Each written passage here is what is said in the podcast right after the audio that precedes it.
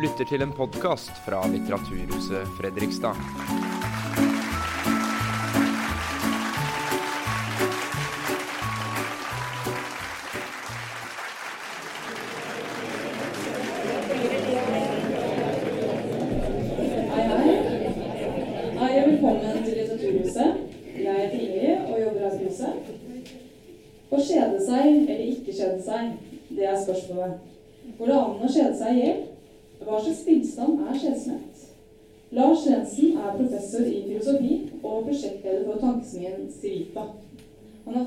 Oppvokst i Moss og har utgitt rekke bøker, bl.a. om ondskap, frykt, ensomhet, kjedsomhet og kjedsomhet. Gi en varm applaus.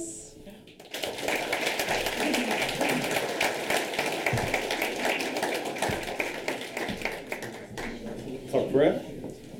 Dere hører meg greit? Bra. Eh, veldig hyggelig at så mange er kommet, ikke minst etter at jeg måtte avlyse her for et par måneder siden. Men da, da hadde jeg dobbeltsidig lungebetennelse og blodforgiftning og resistente bakterier, så jeg var ikke helt i det. Men eh, formen er jo atskillig bedre enn nå. Og jeg skal da snakke med, utgangspunkt, med utgangspunkt i en bok jeg skrev for ganske lenge siden. Eh, denne boken her, 'Kjedsomhetens filosofi', den ble skrevet våren 1999. Så det er jo en god stund siden. Eh, forhåpentlig så får dere en litt oppdatert versjon av budskapet i dag, for jeg har tenkt et og annet siden også. Og utgangspunktet for å skrive en bok om kjedsomhet var Det kommer kanskje ikke som noen bombe at jeg kjedet meg. Noe så vanvittig. Og noe av det som kjedet meg aller mest, var det som bare kort tid tidligere hadde vært kanskje en av de aller største lidenskapene jeg hadde, nemlig filosofi. Eh, siste, det siste året jeg jobbet med doktoravhandlingen min om Kant som tolkningsteoretiker, var et år som var gjennomsyret av kjedsomhet. Men det var, ikke bare kjed, det var ikke bare filosofien som kjedet meg. Egentlig alt kjedet meg. Jeg kjedet meg over verden, jeg kjedet meg over meg selv. Det var knapt noe som vekket noe særlig interesse. Og hvis jeg på det tidspunktet hadde gått til en psykolog eller en psykiater, så ville jeg nok ha blitt diagnostisert med en depresjon. Og jeg oppfylte åpenbart mer enn nok av kriteriene for det. Men selv så var jeg ganske overbevist om at jeg ikke var deprimert. Det var ikke depresjon som plaget meg. Det var kjedsomhet. Og at den, om vi skulle snakke om den, den lidelsen jeg hadde, var ikke en psykiatrisk lidelse, men en filosofisk lidelse. Eh, at det jeg behøvde, det var en slags eksistensiell reorientering i livet. Jeg tenkte at kanskje denne kjedsomheten er en slags samvittighetens stemme som forteller meg at jeg må forsøke å gripe livet mitt an på en litt annerledes måte. Så da brukte jeg den filosofien jeg hadde lært meg gjennom mange års studier, til å forsøke å få et grep om noe som plaget meg personlig. Og det som var veldig fint med det, det var at på den måten så fikk jeg også på ny kontakt med det eksistensielle grunnlaget jeg hadde hatt for å begynne å studere filosofi så mange år tidligere. Altså filosofien ble levende for meg igjen ved at jeg jobbet med den tematikken. Og jeg skrev det som egentlig mentalhygiene for meg selv. Jeg skrev det ikke med tanke på egentlig noen bokutgivelse. Dette var i utgangspunktet for å rydde opp i meg selv. Eh, og at den boken så Nå er den vel ute på 26 eller 27 språk. Eh, at det skulle gå sånn med den boken, det var ikke noe jeg hadde regna med eller planlagt. Og vi må også si at den boken har pekt ut mye av det jeg har holdt på med siden, som bøkene mine om ondskap, frykt, arbeid, frihet og, og, ensomhet. Og det er klart noen av de tankene jeg har utviklet i bøker jeg har skrevet siden, er, har også endret synet mitt på kjedsomhet i, i mellomtiden. Og, men hva er da kjedsomhet? Altså, de færreste har noe gjennomtenkt begrep om kjedsomhet. Det blir som regel en litt sånn tom merkelapp som settes på det som ikke engasjerer oss. Altså Kjedsomhet er sånn sett først og fremst noe vi lever i eller med, og ikke så mye noe vi reflekterer over på en systematisk måte. Og videre så har kjedsomheten en slags kvalitetsløshet. Det er en litt sånn uformelig grå masse som gjør at den er vanskelig å få tak på. Og det er mulig å kjede seg, vil jeg påstå, uten å være klar over det. Det er mulig å kjede seg uten å kunne si hvorfor man kjeder seg. Og det som karakteriserer de som kjeder seg virkelig dypt, altså de som har det vi skal komme tilbake til som den eksistensielle, tunge, dype kjedsomheten, de kan som regel ikke si hvorfor de kjeder seg. Det er ikke dette eller hint som plager dem, men det er en slags navnløs, formløs, gjenstandsløs kjedsomhet.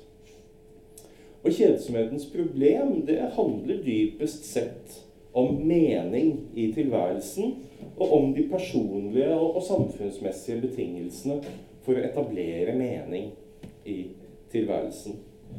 Å ta for seg kjedsomheten, det er å undersøke hvem vi er, og se på hvordan vi passer inn i verden av i dag.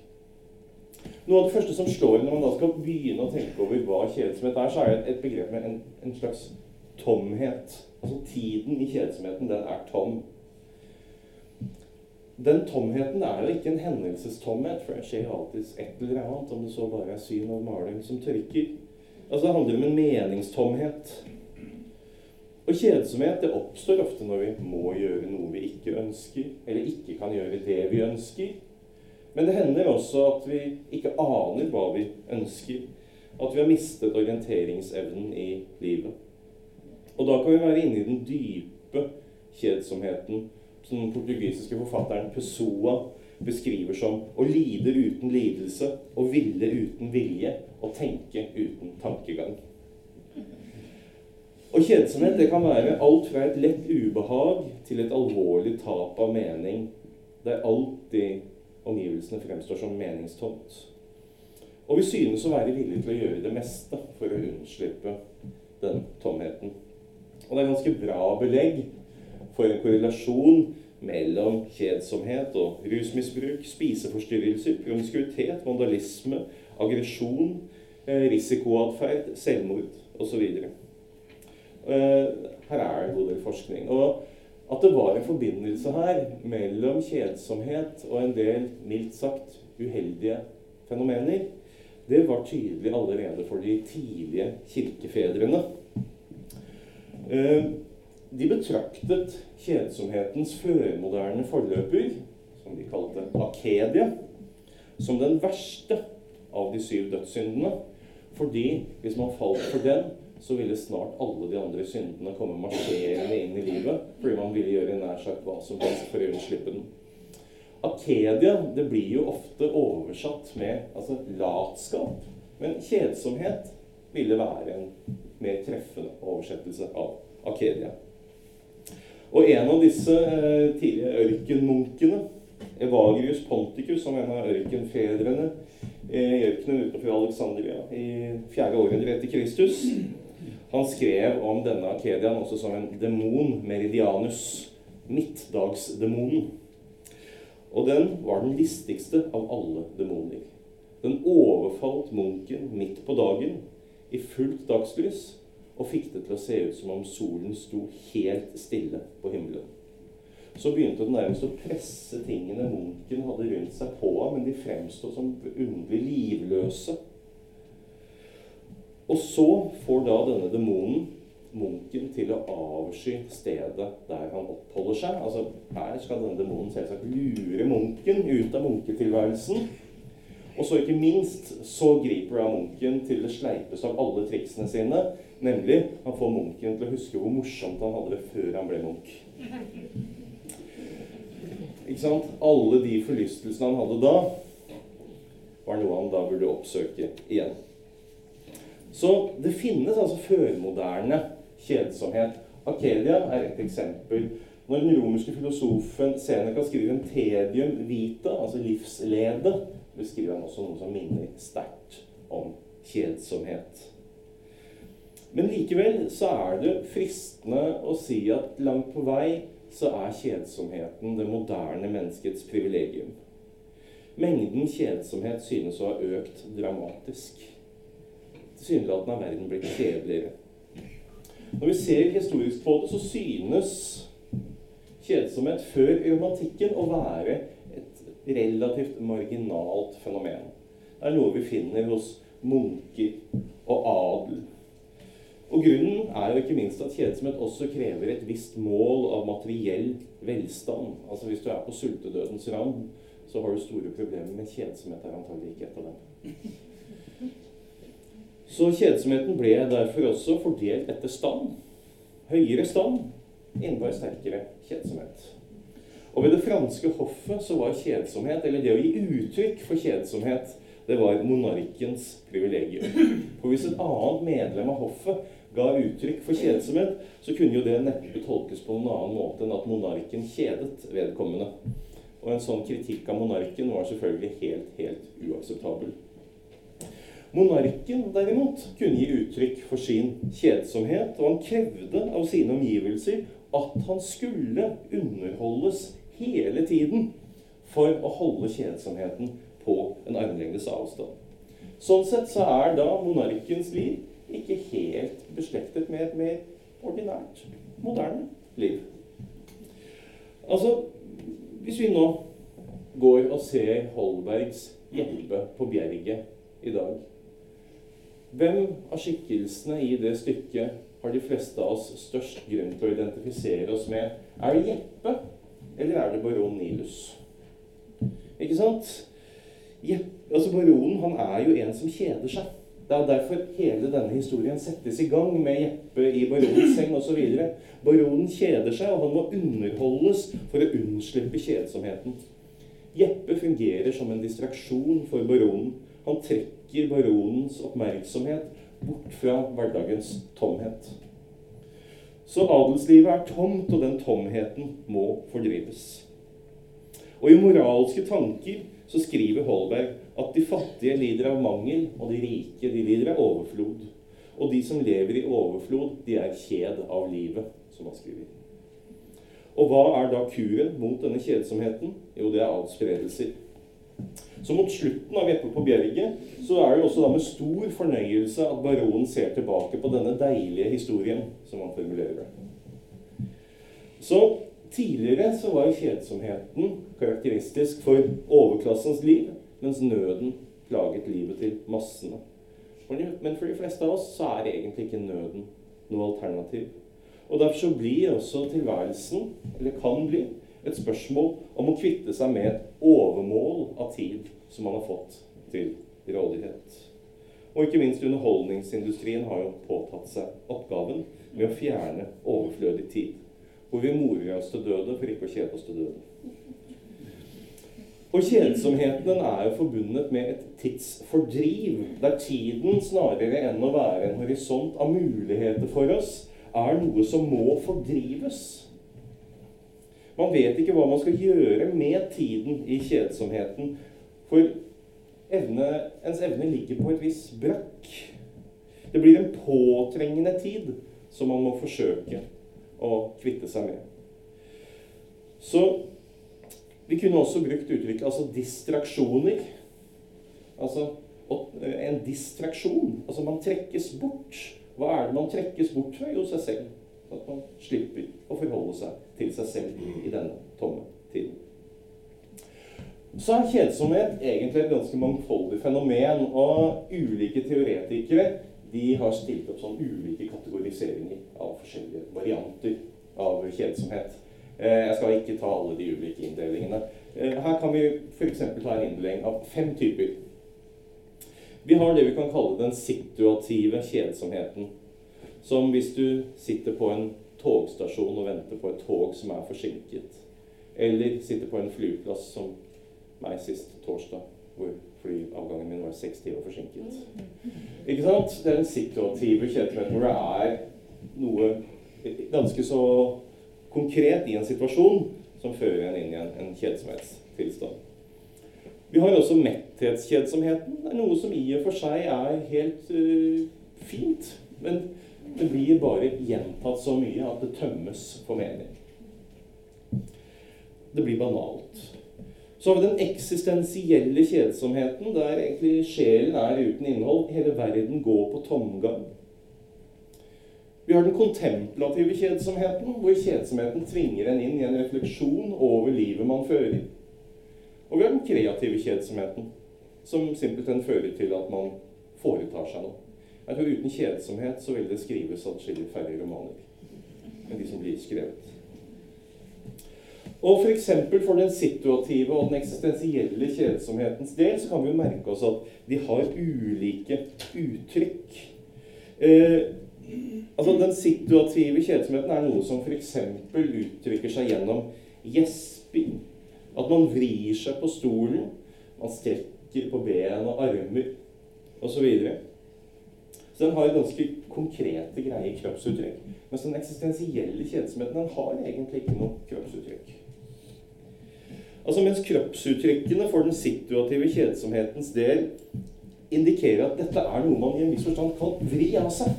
Og det hjelper jo faktisk å forandre litt posisjon på stolen og strekke litt på armer og bein. Så er det som om fravær av kroppsuttrykk for den eksistensielle kjedsomheten er noe som forteller at dette er ikke noe du uten videre kan kaste av deg. Det er ikke noe du unnslipper så lett. Det er ikke noe du uten videre kan overvinne gjennom noen viljesakt. Og denne formen for kjedsomhet synes å bli mer og mer utbredt i den moderne verden. Hva er det som skjer her i overgangen fra en førmoderne til en moderne verden? Fra tradisjonelle til posttradisjonelle samfunn. Altså Tradisjonelle samfunn de gir mennesker en mer entydig definert forståelse av hva som er av betydning i tilværelsen. Altså Det er en tradisjon der som begrenser deres valgmuligheter. Som oftest så får man også lite kunnskap om, om andre levevis. Det er mindre frihet i sånne samfunn. Men samtidig så er det mye enklere å finne en livsmening, fordi du behøver ikke lete etter den. Den er allerede definert for deg av den tradisjonen du er innenfor. Men i moderne samfunn så er hele den sosiale konteksten mye mer pluralistisk eller fragmentert. Og derfor så mister også verdiene våre sin selvfølgelighet. De blir i større grad gjenstand for valg.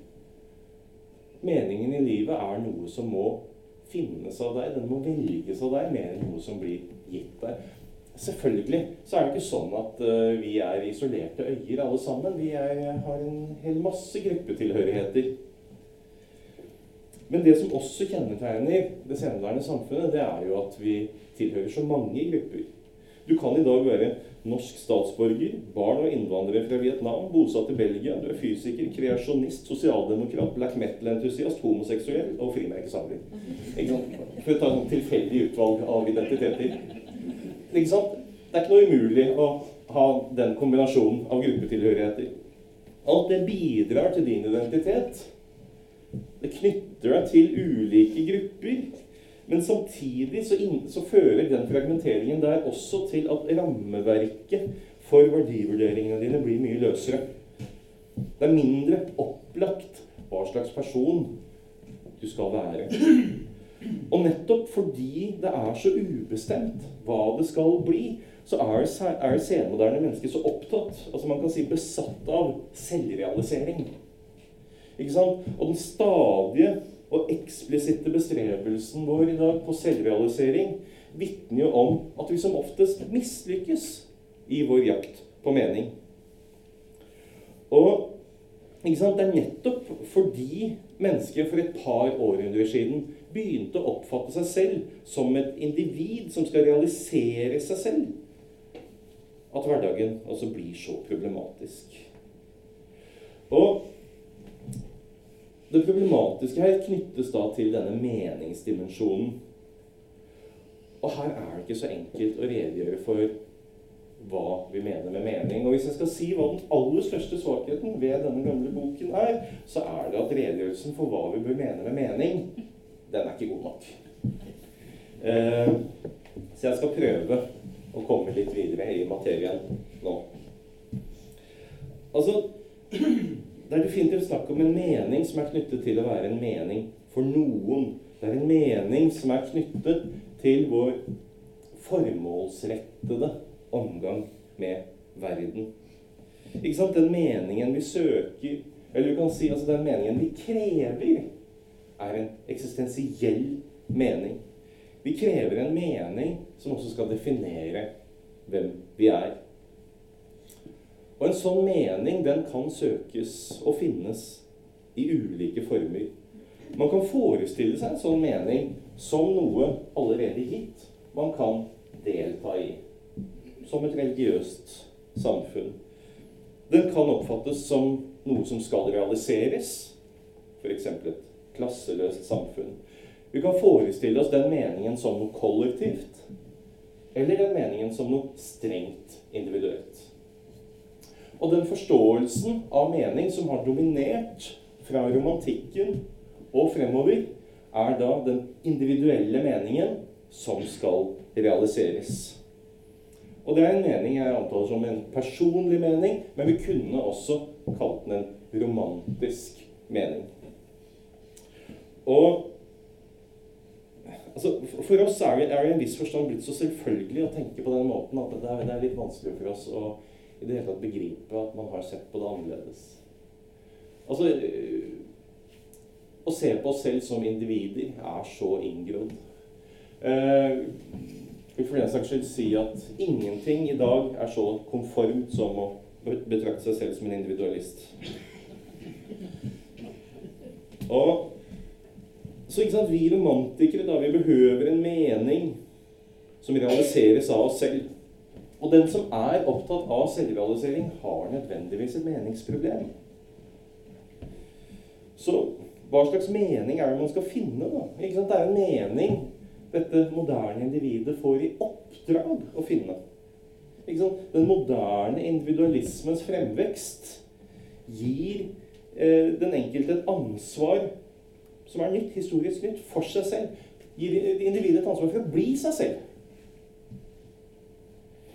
Og det gir individet et ansvar for å finne en egen mening i tilværelsen. Og vi krever et meningsfullt liv. Uten et sånt krav om mening så ville det ikke finnes kjedsomhet.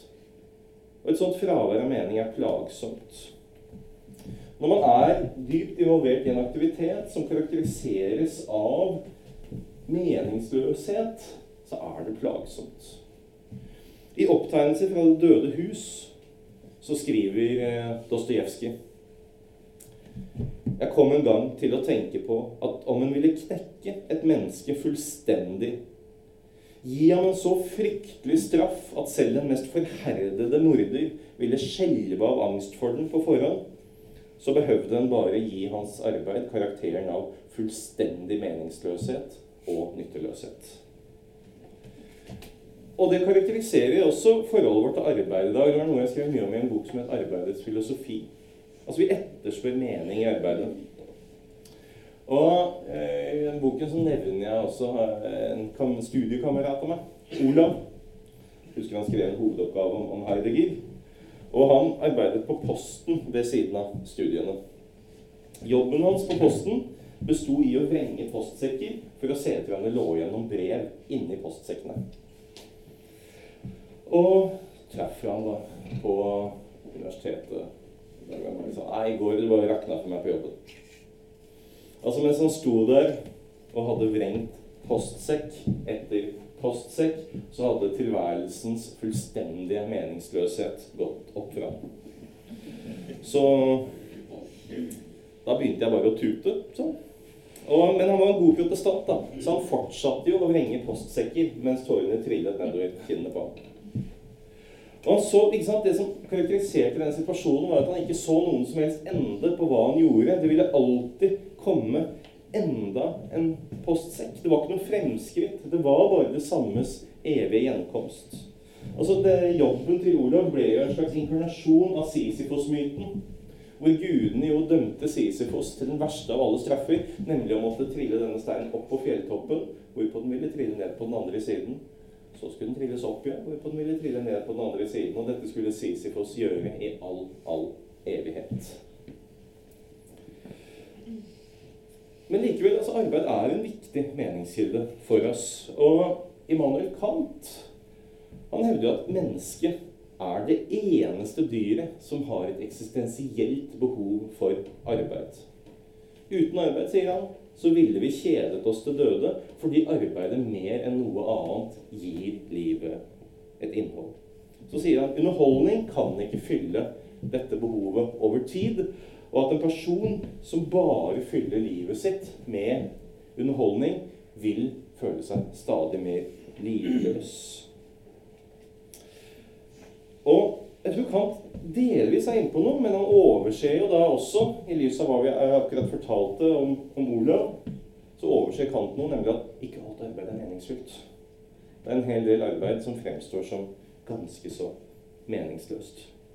Og en stor amerikansk undersøkelse hvor man spurte 10 000 arbeidstagere, så svarte faktisk 33% at de var sterkt understimulerte på jobb og plaget av kjedsomhet på jobb. Og det er høyere enn det tallet vi pleier å få på de som er plaget av stress i arbeidslivsundersøkelser, f.eks. Og det er viktig også å se at kjedsomhet handler ikke om hvorvidt man har mye å gjøre eller lite å gjøre. Og det er også en kjedsomhet som kan ligge i de store, tunge arbeidsbyrdene. For min del må jeg si at jeg aldri har jobbet så hardt som jeg gjorde det siste året med doktoravhandlingen min. Og jeg kjedet meg nær sagt hvert sekund. Fernando Pessoa, som jeg nevnte tidligere, han skriver altså i Urans bok at de store anstrengelsenes lede er den verste av alle. Altså Kjedsomhet er jo ikke et spørsmål om hvorvidt man har mye å gjøre eller lite å gjøre, men om hvorvidt man evner å finne mening i det man har å gjøre. Og når vi ikke klarer å finne en sånn mening, så blir tiden en byrde. Så det eksistensielle behovet som Kant forsøker å få tak i her, er ikke et behov for arbeid som sådan, men et behov for mening. Hvor arbeidet er én, riktignok viktig, men tross alt bare én arena for mening. Og behovet for mening er et grunnleggende menneskelig behov. Arbeid er blitt en av de viktigste kildene våre til mening i tilværelsen.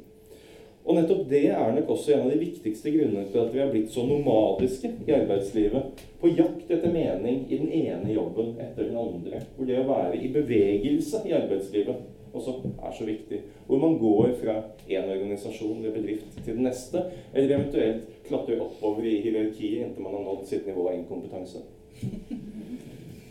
Eh, så det blir noe veldig nomadisk og rastløst. Hvor man, får denne man forsøker å bytte ut, fylle på med noe nytt, for å overkomme en meningsmangel.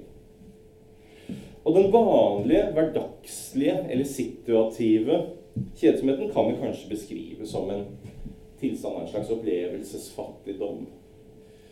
Mens den dype, eksistensielle kjedsomheten kanskje heller bør beskrives som en slags erfaringsfattigdom.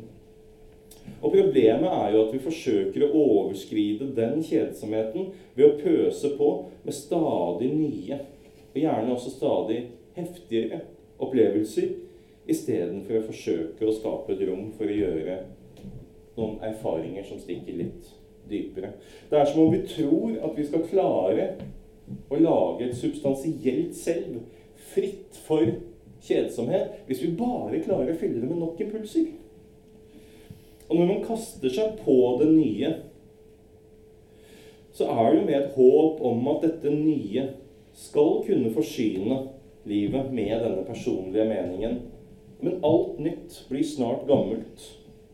Og løftet om den meningen blir bare unntaksvis innfridd. Som oftest bare høyst midlertidig. Det nye blir gjerne raskt rutine. Det avslører seg veldig ofte som det samme gamle. Og da blir vi storforbrukere av nye ting, nye steder og nye mennesker for å bryte monotonien til det samme. Så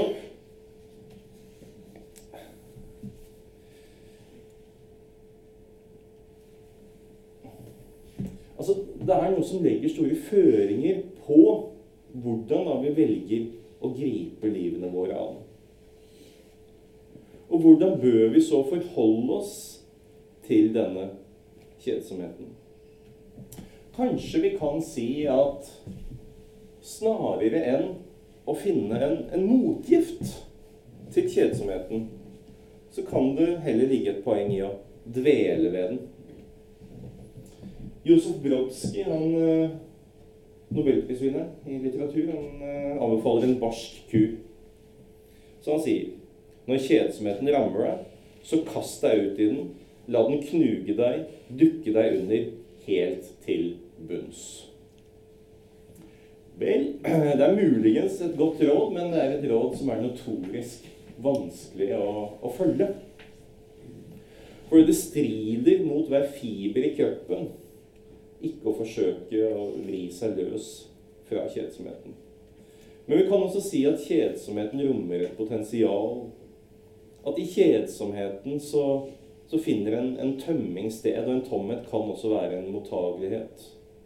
Noe av det som skjer i kjedsomheten, er jo at tingene rives ut av deres vante sammenheng. Meningssammenhengene går litt i oppløsning.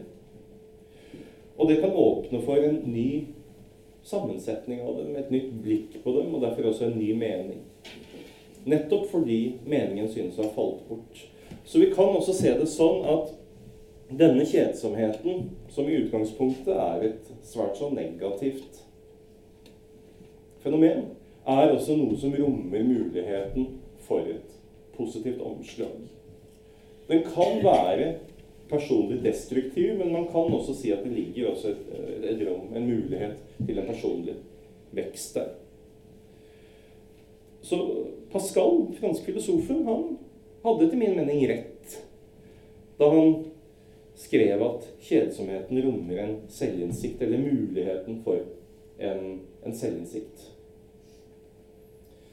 Men det var også den samme Pascal som skrev at eh, alle menneskets vansker stammer fra at det ikke evner å sitte stille i et rom. Og dette er det faktisk gjort noen morsomme studier av nylig. Eh, hvor man ba forsøkspersoner om å sitte helt stille i et rom alene i 15 minutter. Det burde være gjennomførbart, det. Man lagde noen ulike varianter av eksperimentet. Eh, I én variant så gjorde man det mulig for dem å jukse. Altså de fikk beholde smarttelefonene sine. Og da kunne vi observere at de juksa jo så det suste. ikke sant? De klarte ikke å sitte i 15 minutter uten å ta frem de smarttelefonene og se på dem. I en annen variant av eksperimentet hadde man tatt fra dem muligheten for å jukse. Og de opplyste, de som da hadde vært gjennom den prøvelsen der, opplyste jo i ettertid at dette hadde vært ganske fælt. Min favorittvariant av eksperimentet var da man før det startet, så ga man deltakerne et elektrisk støt. Ikke et farlig, ikke farlig sterkt støt, men et smertefullt støt. Altså det gjorde vondt. Og så sa man til forsøkspersonene at vel, hvis du syns det er for ubehagelig å bare sitte her og ikke gjøre noe som helst, skal du alltid gi deg selv støt. Det er et forbløffende stort antall av forsøkspersoner som valgte å gi seg selv støt. Eh, og det var én av forsøkspersonene han, tok, han var et stort unntakstilfelle, da, men han ga seg selv 190 støt på 15 minutter. Eh, og det Så kan vi jo alltid altså, diskutere hva, hva, hva er det egentlig man undersøker i den studien. Er det en evne til å utholde kjedsomhet, eller er det en evne til å utholde ensomhet? Eh, det, er, det er litt uklart. Men det det uansett viser, er jo en mangel på evne til å fylle seg selv med seg selv. En mangel på evne til å være sammen med seg selv til å være i sitt eget selskap. Eh, så det virker som det selskapet er noe vi egentlig forsøker å kvitte oss med. Og den forrige boken min eh, som jeg, jeg ga ut, en bok som het 'Ensomhetens filosofi', så skrev jeg altså en del om, om, om, dette. Altså at vi synes å ha blitt stadig dårligere til å gå inn i det vi kan kalle den positive ensomheten, hvor man er sammen med seg selv, og ikke bare er en som lider under de andres fravær. Altså, og hvor vi ikke minst altså griper til smarttelefonene våre så altfor fort. Der det tidligere oppsto lommer i tiden, hvor man egentlig var tvunget til å forholde seg til seg selv, så kan vi nå umiddelbart gå ut i den store sosialiteten bare ved å stikke hånda inn på lomma og ta frem den smarttelefonen.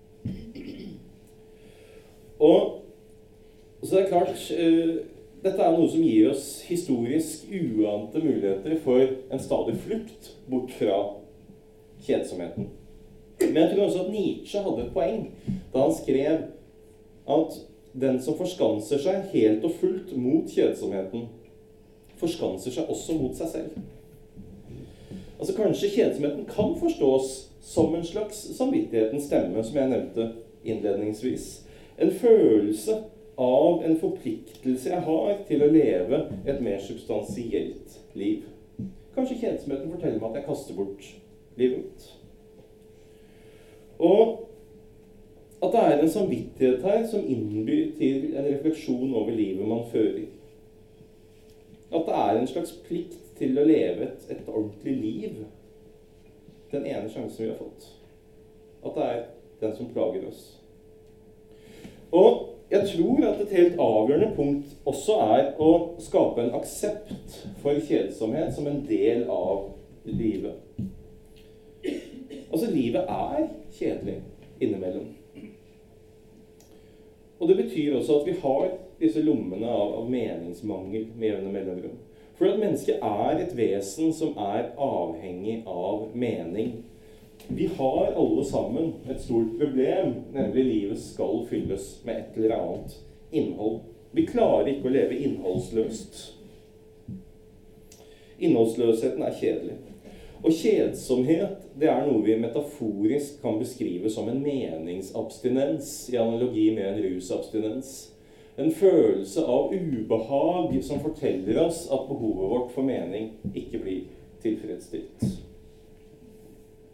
Og for å fungere som menneske så må man i viss forstand ha, ha noen svar. Altså en viss grunnleggende forståelse av noen fundamentale spørsmål. Og man må kunne plassere seg selv i verden. Man må klare å etablere i hvert fall en, en identitet som er sånn noenlunde stabil. Og det å etablere et sånt selv, det krever en sammenheng. Det krever at du kan fortelle en noenlunde sammenhengende historie om hvem du har vært, og hvem du skal bli. Og noe av det som karakteriserer den dype ensomheten, det er jo at du mister på et vis identiteten sammen med meningen. Du blir en tom ingen. Og, tid, og tidsfølelsen den forandres egentlig sånn at fortid og fremtid svinner hen til fordel for et tilsynelatende endeløst nå. Altså Man snakker jo ofte som fag, så fagert om å leve i nuet. Vel, i kjedsomheten så lever du så til de grader i nuet. Men det er et helt tomt nå, ikke sant? Og Talking Heads, det amerikanske bandet, de synger et at 'Heaven is a place where nothing ever happens'. Eh, og i så måte så virker jo kjedsomheten himmelsk. Ikke sant? Det er som om evigheten har rykket inn i denne verden fra det hinsidige. Og, men det er en slapp evighet hvor du er avskåret fra din egen fortid og fremtid som meningsgivende du er hensatt i en nåtid som fyller tidshorisonten din som meningsløs. Så noe av det som må gjøres her, er jo også å i en viss forstand evne å brette tiden ut igjen. Men det er jo noe man ikke bare kan gjøre i en håndvending. Men du må i det minste begynne med å fortelle en slags fortelling om, om, deg selv. Og det å fortelle den fortellingen om seg selv er altså å bli seg selv. Og det aller mest sentrale spørsmålet i fortellingen om deg selv er spørsmålet Hva bryr du deg om? Det er rock bottom, vil jeg si. Og her er det etymologiske grunner til å knytte kjedsomhet sammen med det å bry seg om noe. Og jeg har jo allerede vært innom denne førmoderne kjedsomheten, akedia. Latinsk, stort sett brukt på latin, men det stammer fra det greske akedia. Og det er da sammensatt av en privativ forstavelse, altså A, og kedos, som betyr å bry seg om. Så akedia betyr ikke å bry seg om noe. Og det bringer oss, etter min mening, helt til kjernen av hva som ligger i kjedsomhet som en tilstand av meningsmangel.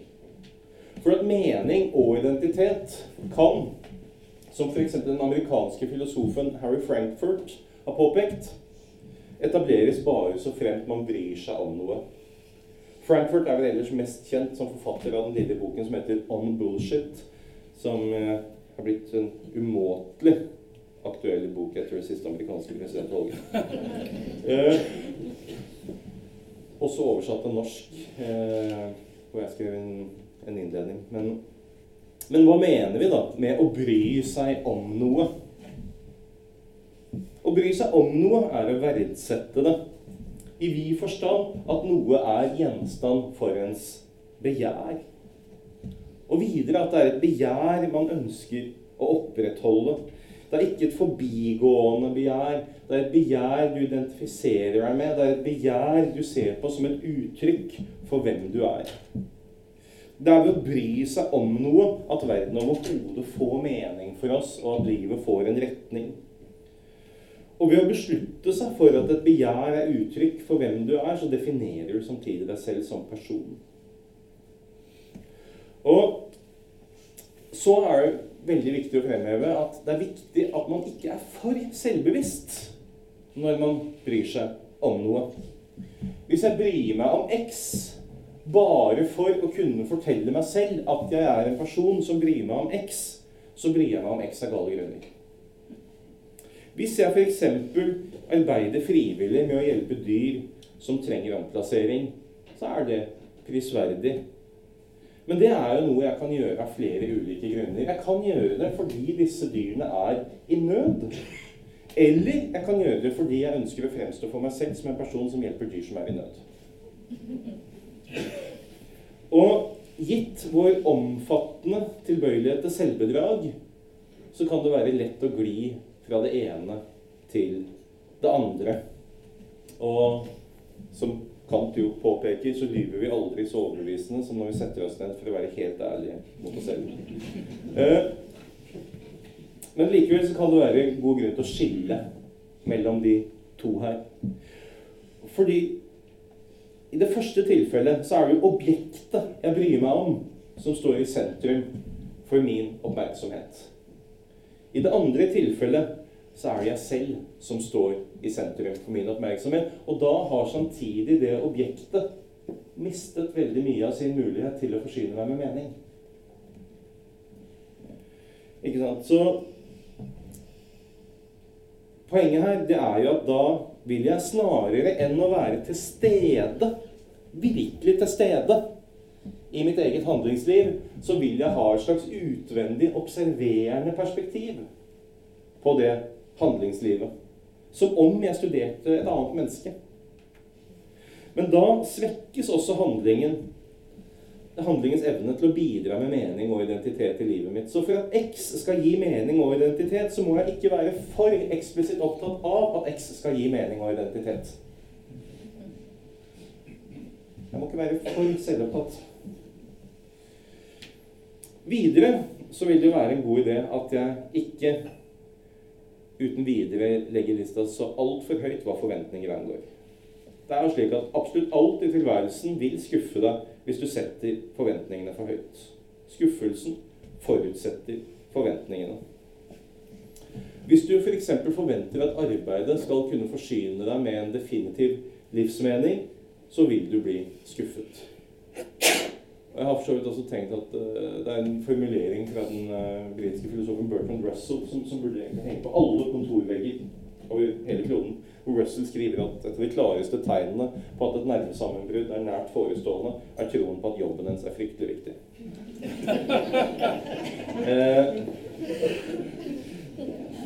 Men ikke sant, dette at eh, arbeidet ikke kan være den totale meningen i tilværelsen din, altså det gjelder jo også alt mulig annet. Kjærlighet, vennskap, kunst. Ingenting kan alene gi deg den komplette livsmeningen. Og alt vil kjede deg fra tid til annen. Selvfølgelig vil jobben din kjede deg fra tid til annen. Og leiligheten din, og sofaen din, og kjæresten din. Og ikke minst kommer du til å kjede deg selv. Og for å unnslippe den kjedsomheten så er det fristende å bytte jobb og leilighet og sofa og kjæreste. Men det er ikke fullt så lett å bytte ut seg selv. Og det er jo sånn for alle at det finnes et mangfold av mulige meningsfulle liv. Og hvilke som er aktuelle for deg, altså det må du finne ut av selv. Det avhenger av deg, hvem du er, omstendighetene du lever i. Men det er en generell sannhet at for å ha et meningsfullt liv, så må du bry deg om det du fyller det livet med. Og det betyr også at du må forplikte deg overfor noe. Forpliktelser bidrar helt grunnleggende til å gi livet mening. Utover det så finnes det etter min mening ikke noe generelt og plausibelt svar på spørsmålet om hva som gir livet mening. Hva som gir ditt liv mening, hva du bryr deg om, det må du finne ut av. Og Noe av problemet for det senmoderne mennesket ligger også i å akseptere at det oppstår lommer av meningsløshet mellom disse ulike delmeningene i livet. Vi lever med en slags frykt for de tomrommene og krever en slags absolutt meningsfylde, en total lykke. Lykke er ikke lenger bare noe vi oppfatter som noe vi har retten til å søke, som det heter i den, for den amerikanske uavhengighetserklæringen. Vi oppfatter lykken som noe vi har rett til. Punktum. Og den franske filosofen Pascal Bruckner har formulert det slik at vi antagelig lever i det første samfunnet der mennesker føler seg ulykkelige fordi de ikke føler seg fullkomment lykkelige. Det å komme til kort overfor en helt urealistisk norm er noe som i seg selv gjør folk lettere miserable. Og denne totale lykken ikke sant, den er også identisk med den store, definitive meningen i livet. Og den finner vi ikke. Men det fins en mindre mening hvor man evner å finne ut hva man faktisk bryr seg om. Og,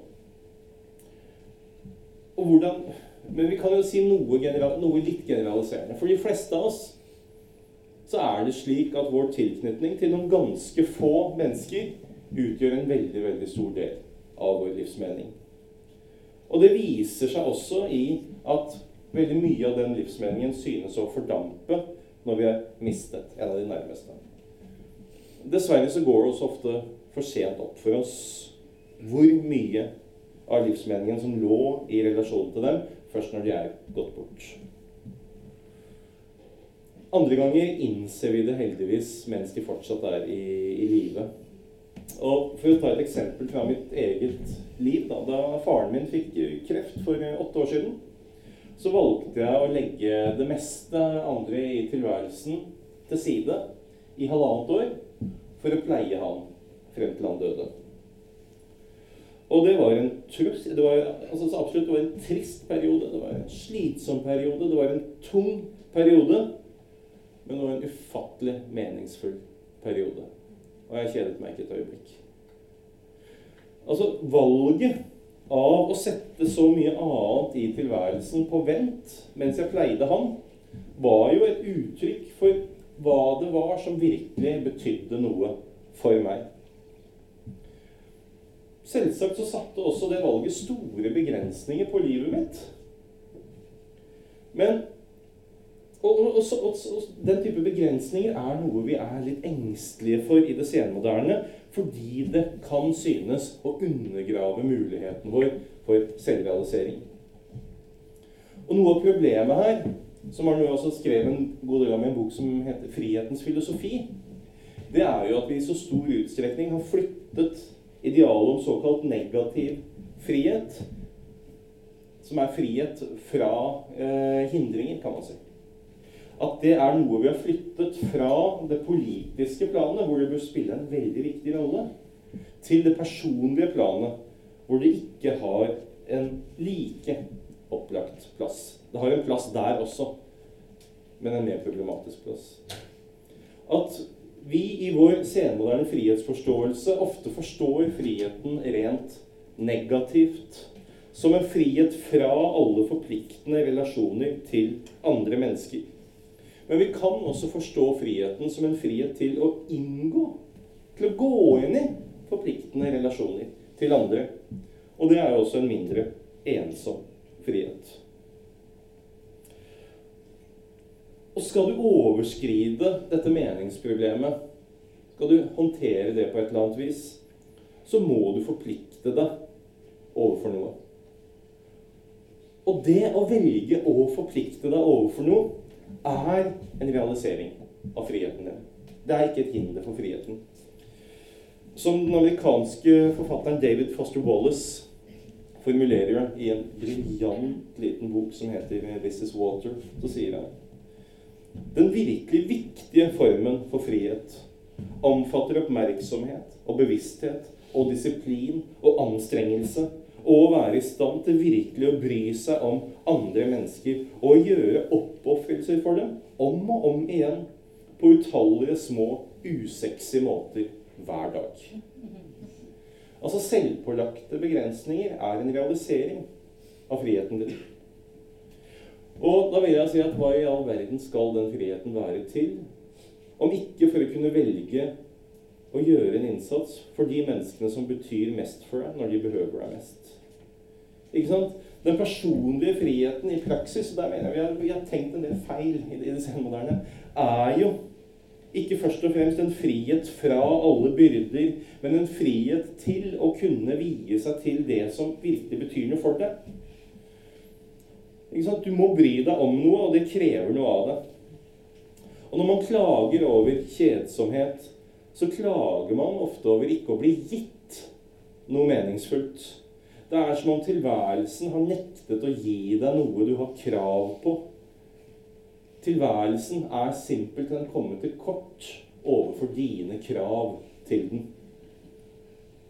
Men det kan jo også være at du simpelthen ikke vet å verdsette de høyst reelle meningskildene du har rundt deg. Så er det et problem da, at du kan ikke bare velge å bry deg om noe. Det er grenser for hva vår vilje kan eh, utrette.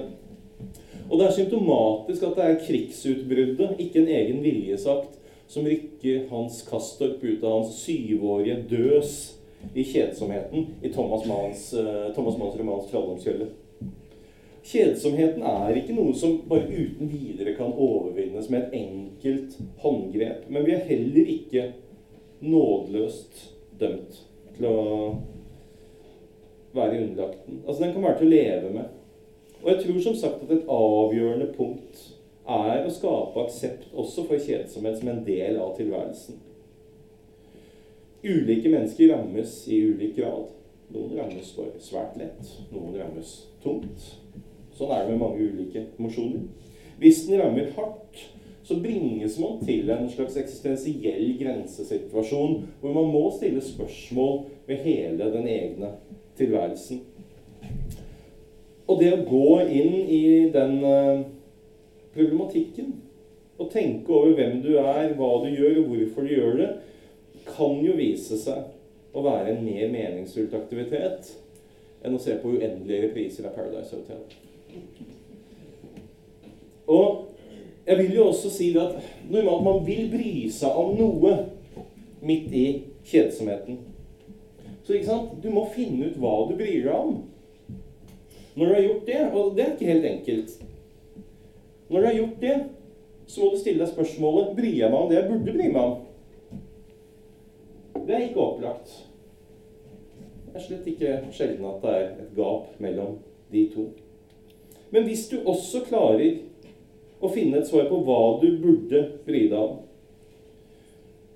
og du klarer å bry deg om det du burde bry deg om, og du klarer å omsette det i livspraksis, da har du oppnådd så mye mening og frihet i livet ditt som du kan ha noen som helst realistisk forhåpning om å oppnå. Hvis du fortsatt mener at det ikke er tilstrekkelig, så krever du simpelthen for mye. Og hvis en person ikke finner det i seg selv å bry seg om noe som helst etter å ha nådd et slags eksistensielt nullpunkt, så er det ikke så veldig lett å gjøre noe for den personen. Da er, det ikke noe å ta tak i, det er noe å bygge på. Men jeg vil egentlig tro at alle egentlig bryr seg om noe, men at man kan ha mistet av syne hva man bryr seg om. Sånn sett så synes altså mening i livet og kuren mot kjedsomhet den kan synes å ligge i å omfavne det tilsynelatende kjedelige i livet. Snarere enn ustanselig å kreve noe som løfter en over i noe nytt og spennende. Det er ikke noen definitiv kur mot kjedsomhet. Den vil fortsatt melde, deg, melde seg fra tid til annen, som jeg nevnte tidligere med jobben din, leiligheten din, sofaen din, partneren din osv. Og da vil det være fristende å starte en ny karriere, starte et nytt forhold osv. Da blir livet en rekke begynnelser. Livene våre blir da strukturert av det den tyske teoretikeren Walter Benjamin mente var motens sentrale prinsipp, nemlig det nyes evige gjenkomst. Men det er neppe noe livsideal. For det er å leve livet sitt som en junkie, hvor du hele tiden må ha et skudd av det nye. Og hvis du tenker på den måten, så lar du også kjedsomheten styre hele livet ditt. Fordi du bruker all din tid på å unnslippe den. Så som sagt, jeg tror heller du skal justere forventningene. Men de kan selvsagt også justeres for lavt. Og Løsningen er ikke å bli en kyniker. De opprinnelige kynikerne det var jo en gruppe filosofer i antikkens Hellas som innså at livet er vanskelig. Og de trodde at de hadde funnet den perfekte løsningen på det problemet, nemlig å si ingenting betyr noe. Det er mye mer å si om kynikerne, men det er hva det hele koker ned til. Og de tok selvfølgelig fullstendig feil. Det er veldig mye som betyr noe Altså, De tingene som betyr noe, de er der rundt deg. Men du må også evne å se dem. Og du må forplikte deg overfor dem.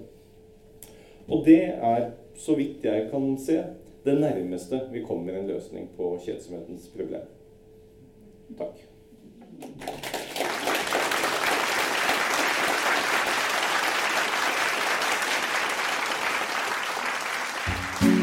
Nå har du hørt en podkast fra Litteraturhuset Fredrikstad.